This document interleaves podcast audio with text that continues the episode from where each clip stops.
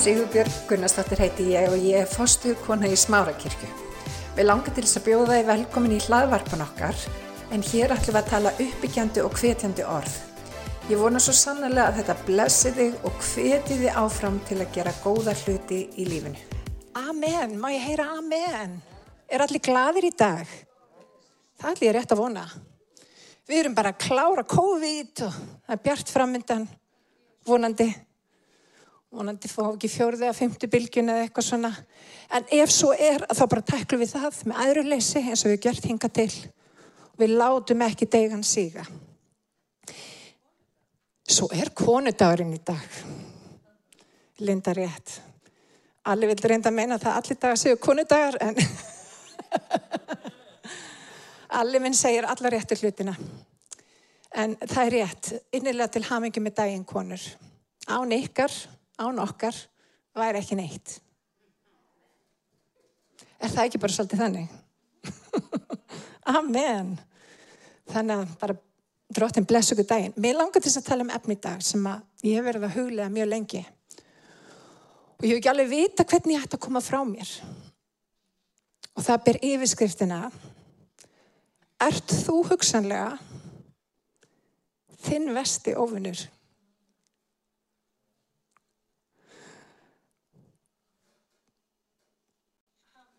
Það er bara góð spurning. Og þegar ég horfi við farin veg og yfir líf mitt að það haf ég stundum bara verið minn vesti ofunur. Ég hef tekið skringilegar ákvarðanir hér og þar sem hefur orsakað það að ég hef stundum rataði í einhverja raunir. Uh, en það sem á að gerast með lífinu, krakkar, það er það að við eigum að líkast honum meir og meir. Læra að hlusta á röndu guðs. Og ég man þegar ég var til dæmis, ég ætla bara segja ykkur eina stutt að sögja mér í mentaskóla. Ég var að byrja í mentaskóla, það var svo hrikalega gaman að byrja í mentaskóla. Og hver nefnd að læra? Vist ég alveg nei. Og ég ekkert nefndi held að þetta væri bara ekkert mál, þá hann geti koma að prófi og þá fekk ég bara nánast tauga áfall, læriði eins og ég veit ekki hvað fyrir prófið og náði. En með tauga áfall á bak, bakkjunni. Og það er einmitt það sem að gera svolítið á yngri árum, maður, maður hérna, hleypur svolítið af sér hornin. Maður tekur ákverðun sem að, sem að hérna, vonandi maður tekur ekki aftur. Og það er það sem að lífið kennir manni. Og ég man eftir þess að fyrstu önni ég hugsa, ok, þetta er ekki alveg náðu sniðut, ég ætla að fara að læra betur. Ég ætla að fara að læra reglulega. Og engunnar ég alveg náði ákjörlega, en engunnar fóru bara upp á við eftir því sem ég lærði með þetta. Að vera ekki minn eigin vesti óvinnur takk ekki eitthvað svona óskinsamlegar ákvörni sem að, sem að myndi í rauninni trubla friðum minn og í rauninni bara framtíð. Og það er stundu þannig með okkur vinnir þegar við erum að gangin í nýja tíma þá er svo mikilvægt að við séum vakandi fyrir þessu að við heyrum röttu Guðs þegar hún talar að ég ætla bara að segja við ykkur, Guður að tala við ykkur á hverjum einasta degi. En margi bara átta sig ekki á því. Þau heyri ekki röttu Guðs út af það er svo mikið læti í kringum viðkomandi. Og ég var með með Lindu í viðtali um daginn og það sem við höfum kannski lært á COVID, það er þetta að slaka meira á. Það þarf ekki að vera allt í gangi alltaf. Lífið er ekki, það, um það snýst lífið ekki. Og fyrir mér, ég ætla ekki að fara aftur á hamstur hjóli og bara hlaupa og hlaupa og hlaupa bara út af því að það er svo gott að hlaupa. Það er alveg gott að hlaupa en bara svona í hófi gott fólk. Og þess vegna er svo mikilvægt vinnir að við heyrum röttu guðs. Við getum það nefnilega núna út af því að það er ekki svo mikið læti kringum okkur og pössum upp á það vinnir þegar Guð er búin að taka okkur af þessum, eða úr þessum látum að við göngum ekki inn í þessi læti aftur. Og við verðum okkar jafnvel, okkar vesti ofinur uh, hvenar er við í mestri hættu að taka ranga ákvörðun? Það er ótrúlega mikilvægt að þekka sjálfa sig að gera sig grein fyrir því hvaða er sem að tryggjara mann Og fyrir mér, þegar ég stend fram með fyrir vali, ákverðun, ég er að fara að taka ykkur skref í lífinu, þá er ég farin að hlusta mjög vel á innri þrýsting. Kannast eitthvað við hennan innri þrýsting? Eitthvað sem kemur upp, þú ert við það að fara að taka ranga ákverðun. Þetta er Guð. Þrýstingurinn er heilagar andi. Hann er að vara þig við. Og vinið það skiptir svo miklu máli að hlusta. Og ef þið finnir þrýsting að taka skref tilbaka, pása sér pínlítið, taka skref tilbaka og gera ekki neitt fyrir þið finnir friðgvöðs.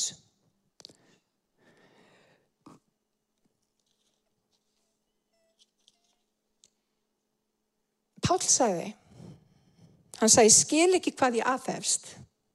Það sem ég vil gera, ger ég ekki. Hitt sem ég hata, ger ég. Þetta sagðan þegar hann var að byrja göngunum með Guði. Setna sagðan, ég er fullna skeiðið. Setna sagðan, ég er ekki lengur þetta, ég er þetta. Ég kann að taka ákvarðinu, ég kann að feta rétta brautir, ég er fullna skeiðið. Ég vildi væri þar, ég er ekki þar, ég hef ekki fullna skeiðið. Vandræðinabla byrju oft þegar við fyrir að selja okkur hugmyndir. Þegar við fyrir að réttlata eitthvað ákveðið. Þegar við erum komin í þann gýr og við erum fann að réttlata eigin slæmahægðun, þá þurfum við að íta á pásu. Þá þurfum við að íta á pásu. Taka skref tilbaka og endur meta. Ótrúlega mikilvægt að endur meta, að taka pásu. Og mér langar til þess að sína ykkur í orði Guðs hvað við eigum að gera í svona kringustæðum. Og vinnir, það er alltaf að finna í orði Guðs. Það er bara þannig. Ég hef sagt það við Lindu og ég hef sagt það við fleiri. Allar vestrannar sjálfsjálpa bækur, tólspóra kerfi, annars líkt, deilkarniki. Þetta er alltaf að finna í biblíðinni hvert einasta atrið. Hvert einasta atrið fyrir okkur að vegna vel í lífinu það er að finna í reyningunni. Og við erum ofta að leita svo langt yfirskamt meðan sannleikurinn er bara í hjartan á þér. Og mér langar til þess að fara í frásögn af Davík konungi og hvernig hann tæklaði svolítið svipaða kringustöður og ég er að tala um nú. Og þetta er frásögn í, í Gamla testamentinu Þetta er sagan að Davíð áður en Davíð var konungur. Við munum söguna þegar hann fór út og hann sigraði góliðt.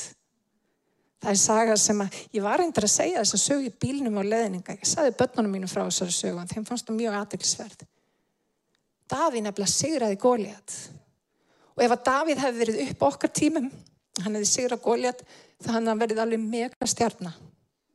Hann hefði verið svona eins og Kanye West eða Kardashian eða hann hefur verið svo rosalega frægur og það er það sem gerðist. Davíð var gríðarlega frægur fyrir vikið, það vissu allir hver Davíð var. Og kongurinn á þeim tíma, hann Sál, bauð Davíð út af því að hann var svo mikil kempa, hann var svo mikil hetja. Hann bauð Sál, hann, sag, nei, hann bauð Davíð og hann sagði, Davíð kontu, kontu til mig og búði í höllinni hjá mér. Og Davíð gerði það. Og það sem að meira var, Davíð giftist dóttursáls. Hann var vel metin. Hann var nefnilega smurður til að vera konungur í Ísæl. Það vissu allir að Davíð átti eitthvað tíman eftir að vera konungur í Ísæl. En Davíð var á þessum tíma bara auðmjögur, ungur maður og var ekkert að flýta sér. Nema hvað að Sál átti rosalega erfitt með Davíð. Hann fór að finna afbríð sem í hjarta sínu. Hann átti mjög erfitt með það að Davíð vegnaði vel. Og það voru jáfnvel samin um þá sögur, lög. Sál fælti þúsund, Davíð tíu þúsund. Og ég hugsa að Sál hafi bara verið alls ekki rosalega gladur með þessa söngva sem voru að spretta upp hér og þar. Það sem að Davíð var hildur en Sál not so much. Og það var þannig að þetta var í rauninu óviðunandi ástand og Sál reyndi að drepa Davíð. Og það sem að gerist í kjölfarið er í rauninni bara eins og í bíómynd. Sál þurft að flýja. Davíð þurft að flýja. Rétt. Davíð þurft að flýja. Og vitið það, hann var að flóta í mörg, mörg, mörg ár. Aðili sem var kallar á Guði, smurður til að vera konungur yfir Ísæl, hann var eins og bara ótindur glæpamæður á hlaupum undan Sál. Og Sál vissi betur. Sál vissi betur. En það stoppaði ekki Sál því að hann var með, biblían talar um að yllur andi hafi náð tökum á Sál. Og hann var bara svona, þið vitið, það, það var ekkert sem stoppaði Sál. Og hann var alveg hægri vinstri að senda út leitarflokka og njóstnara til þess að reyna að finna hvað Davíð var. Svo heyrðan af því að Davíð var á ákunni stað og Sál, og þannig Davíð, bara útskýra hvernig aðstæðna voru þá, þannig er liðið mörg ár, hann er búin að vera flótt í mörg ár. Og Davíð var í rauninu komin upp með bara svona lítinn herr of his own, sem var bara aðrir menni í sömu stöðu. Útlagar, fólk sem hafi hverju höfði sín halla. Þetta voru orðnir kappar Davíðs. Ég myndi mér að þetta hafi verið svona kannski 200-300 manns, eitthvað svo leis. Sál hins vegar frétti af Davíð.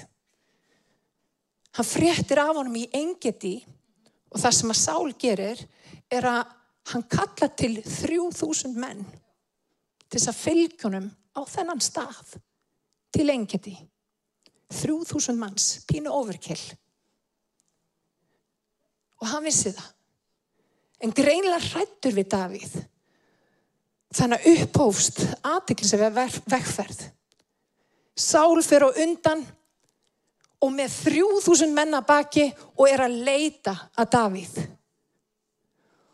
Og svo gerist, eins og gerist stundum hjá fólki, það þarf að fara á klósettið.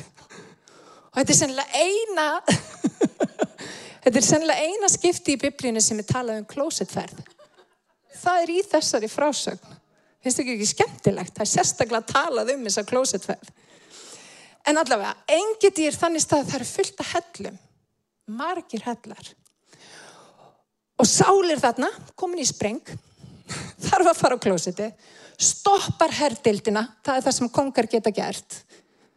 Hann þarf að fara á klósiti og það þurfa allir að stoppa. Þannig að sál fyrir inn, fyrir inn í hellin og sest og hækjur sér. Þetta er alveg útskýrt. Flettið upp þessum kapla. en allavega, það sem gerist er það að, sem er ótrúlegt, algjörlega ótrúlegt, innst í þessum sama helli er Davíð og mennans að fela sig fyrir konginum. Og þið getið ímyndið ykkur, wow, hvað er Guð að gera? Er hann búin að, hann er búin að leiða sál í veg okkar, sögðu menn Davís. Hann er að gefa þér konungin. Nú bara förum við og tökum hann á lífi og málið er afgreitt. Og við getum öll farið heim og við getum öll notið þess að vera bara í konungsvíkinu þar sem við eigum að vera. Og ég held til að byrja með að þá hafi Davíð fundist þetta bara ágættis hugmynd. En það ekki skrítið.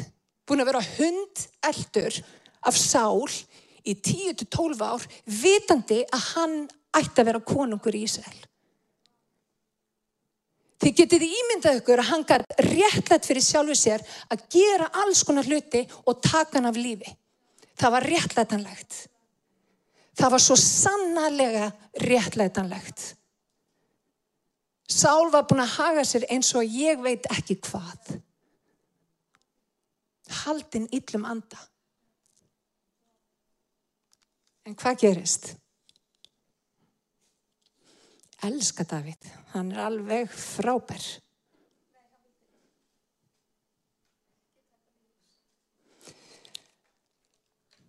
David tekur upp nýfsinn, gengur að sál.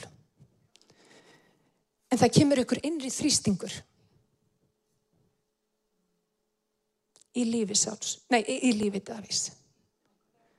Það kemur higg Það kemur eitthvað sem stoppar hann af. Og það er það sem er svo dásamlegt við Davíð. Þess vegna er hann kallaði maður eftir Guðs eigin hjarta. Hann heyrði röttu Guðs. Hann heyrði röttu Guðs þegar það skipti máli. Og hvað gerist? Hann lappar upp að sál og hann rýfur, hann sker bút af skikkusáls. Og sál vissi ekki einu sinni af því. Hann kemur tilbaka og ég er alveg vissum að mennirna hans hafi verið brjólaðir. Ekki sáttir. Búin að þurfa að fara hérðan og þaðan út af því að Sál var haldin íllumanda. Klikkaður. En hann hastaði á menn sína. Það segir reyningin. Hann hastaði á það og hann sagði, nei, ég mun ekki snerta drottin smurða magnaður. Það sem að gerist næst er að sá lappar út, fyrir aftur og bak og er að fara í burtu. Þegar Davíð lappar út úr hellinum með mennans bak við sig. Og hann segir, hei þú, konungur, ég heiðra þig. Og hann leggst í duftið. Hann leggst í duftið. Svo stendur hann upp og hann segir hluti sem eru alveg ótrúlega magnaðir. Ég ætla að reyna að finna það hérna.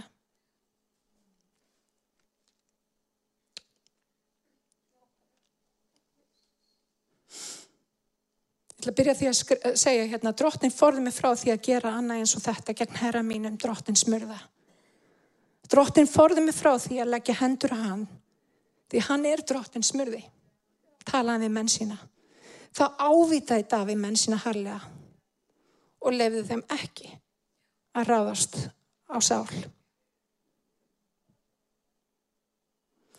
Hann auðmikið síð duftið og hann segir við sál ég er auðmjúkur þjótt þinn en aðeins Guð mun skera úrum hvor er betri maður og hann tekur upp bútin og sínur honum hann hefði getað drefið hann en að kausa gera það ekki. Og vinir, á þessum tímabúndi vissu allir hver var betri maðurinn. Hver einn og einasti sem var á svæðinu og horða á þetta gerast vissu að Davíð var betri maðurinn. Og vinir, Guð gif okkur náð til að taka svona ákvarðanir í erfiðum kringumstæðin. Þetta er ein af ástæðanum fyrir því að Davíð, hans konungdómur, mun vara að eilifu. Hann tókur rétta ákvarðan í erfiðum kringumstæðin. Og vinnir, ég trúi því að Guð er að byggja okkur um það sama. Staðrindin er svo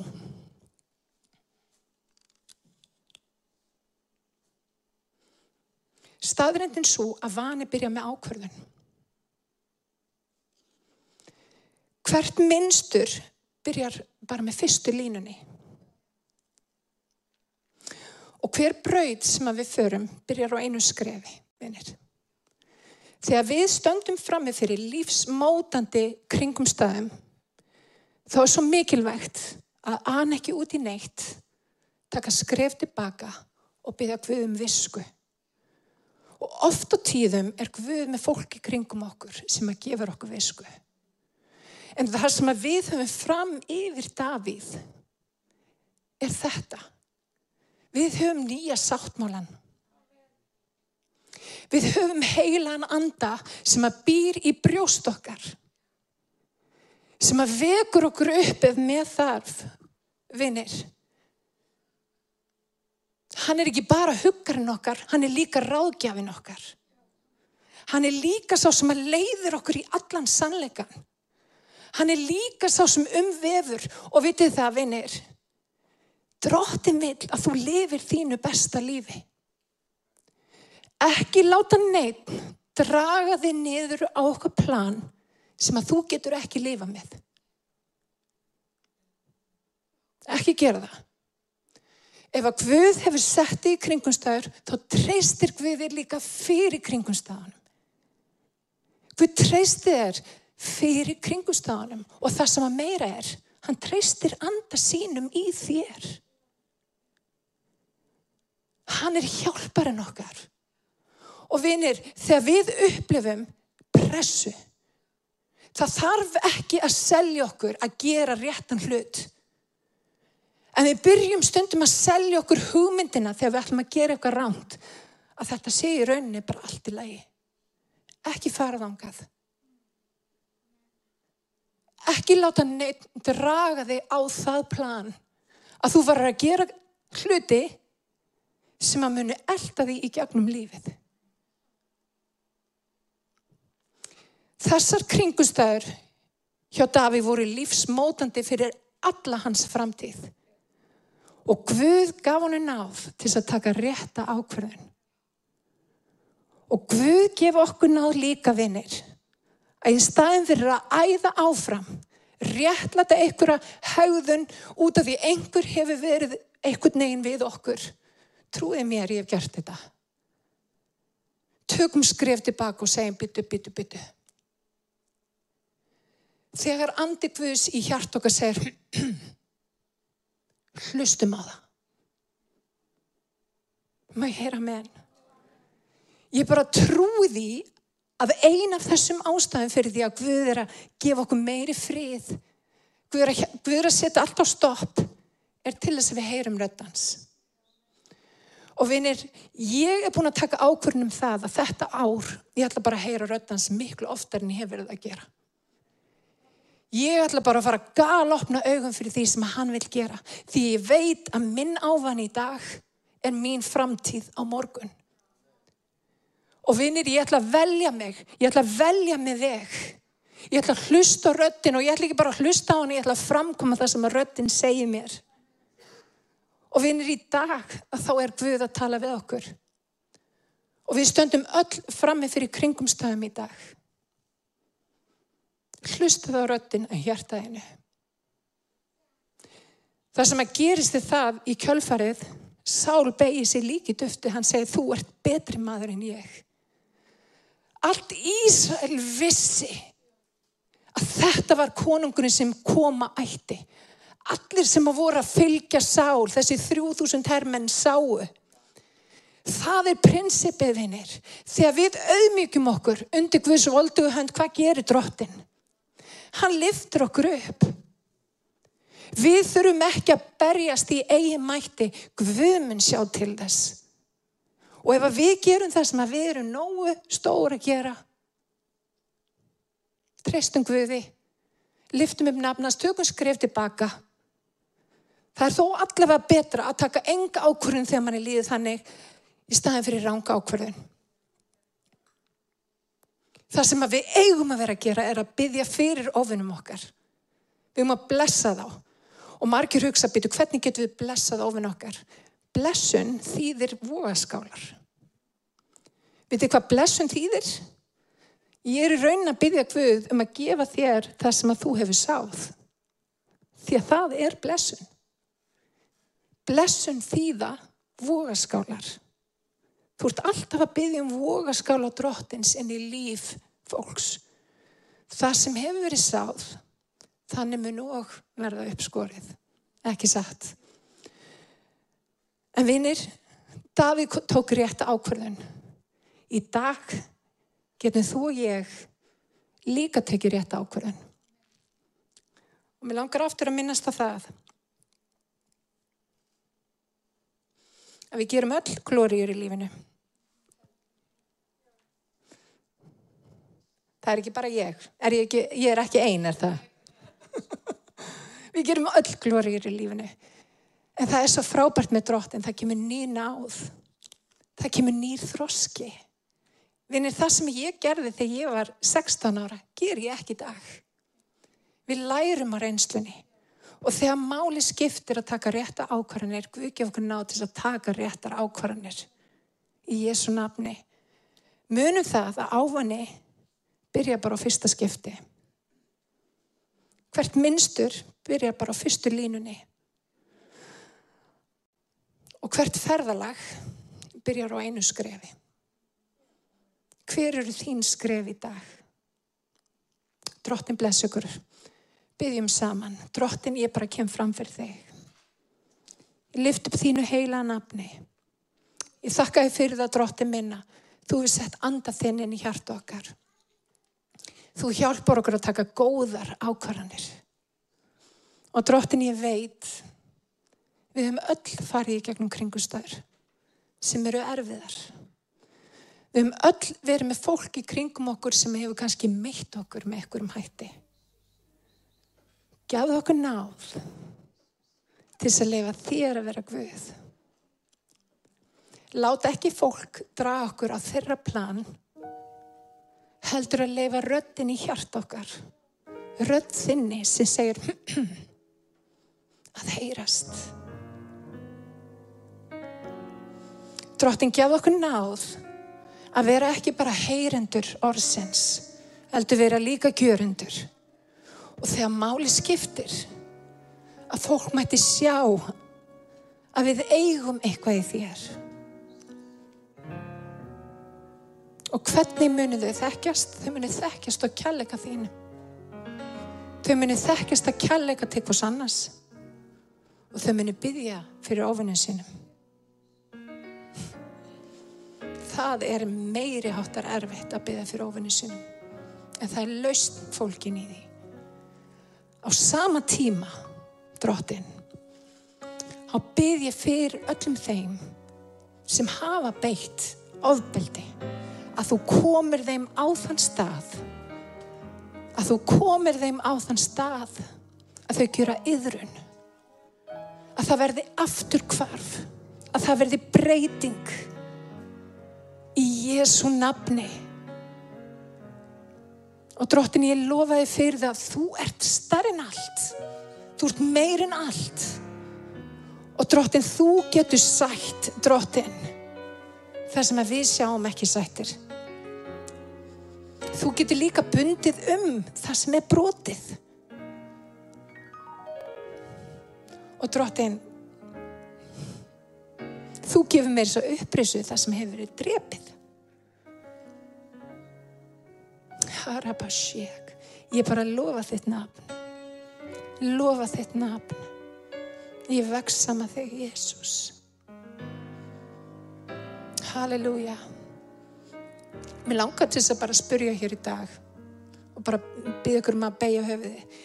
Er einhver í svona aðstæmi í dag þess að þið þurfið kraft og styrk frá drotni að gera það rétta? Maður sé, já, sé hendur lofti. Við erum sannlega öll í þannig kringum stæðum. Ég sé hendur á lofti. Ég ætla bara að byggja og ég veit að þú sem ert heima, þú ert öruglega líka í þannig aðstæðum. Ég ætla bara að byggja Guð um að gefa visku og kraft. Kraft. Visku og kraft. Drottin Ég bara byrð fyrir öllum þeim sem er í þessum aðstæðum. Ég byrð um að gefa visku. Ég byrð um að gefa gnæð visku. Og drottin ég byrð líka um að við fáum þetta tækifæri til að íta pásu. Ef það kemur upp eitthvað svona, eitthvað þristingur í líf okkar. Við erum við það að fara að gera ránt í kringustónum og það er jáfnvel réttlætanlegt að gera það ekki. Drottin, ég þakka þið fyrir það að þú gefur örlátlega og átölulegst til allra þeirra sem byggja þeim. Og ég þakka þið fyrir það, drottin minna, að þinn er dýrðin, þín er dýrðin, þinn er mátturinn og þú hefur trú á þínu fólki og þú vilt að við, við lifum okkar besta lífi, að við verðum besta útgáfana sjálfum okkur og við byggjum drottinu um nátis að verða það. Og ég beði í Jésu nafni. Í Jésu nafni. Og ef þú ert að hlusta mál mitt og þú þekkir ekki Jésu og þú vilt kynast honum, þá er Jésu bara einni bæni börtu. Hann er svo næri. Hann er svo nálagt. Og mér langar til þess að byggja það sem við kallum frelsisbæn. Það er bæn frelsisens. Það stendur í, í Rómarabröfinu. Ef við trúum í hjart okkar og játum með vörum okkar, þá munum við hólpið með það. Er svo einfalt að taka við frelsisverki Jésu. Það er bara trú og hjáttning. Og mér langar til þess að byggja bæn og ég byggja um að byggja bænina eftir mér og hún er svona. Kæri Jésús, ég byggja um að koma inn í hjarta mitt í dag. Ég byggja um að fyrirgefa mig ekki sér hverja synd. Ég byggja um að fylla mig að vanda þínum. Viltu ganga með mig hvern einasta dag? Drottin Jésús, ég þakka þér að ég nú þitt barn. Í Jésu heilaga nafni, í Jésu heilaga nafni, amen og amen. Drottin bless ykkur og varfið ykkur. Amen. Ég hveti til þess að stilla inn á okkur með reglum hætti því að hér verður alltaf eitthvað nýtt á nálinni. Takk fyrir að hlusta.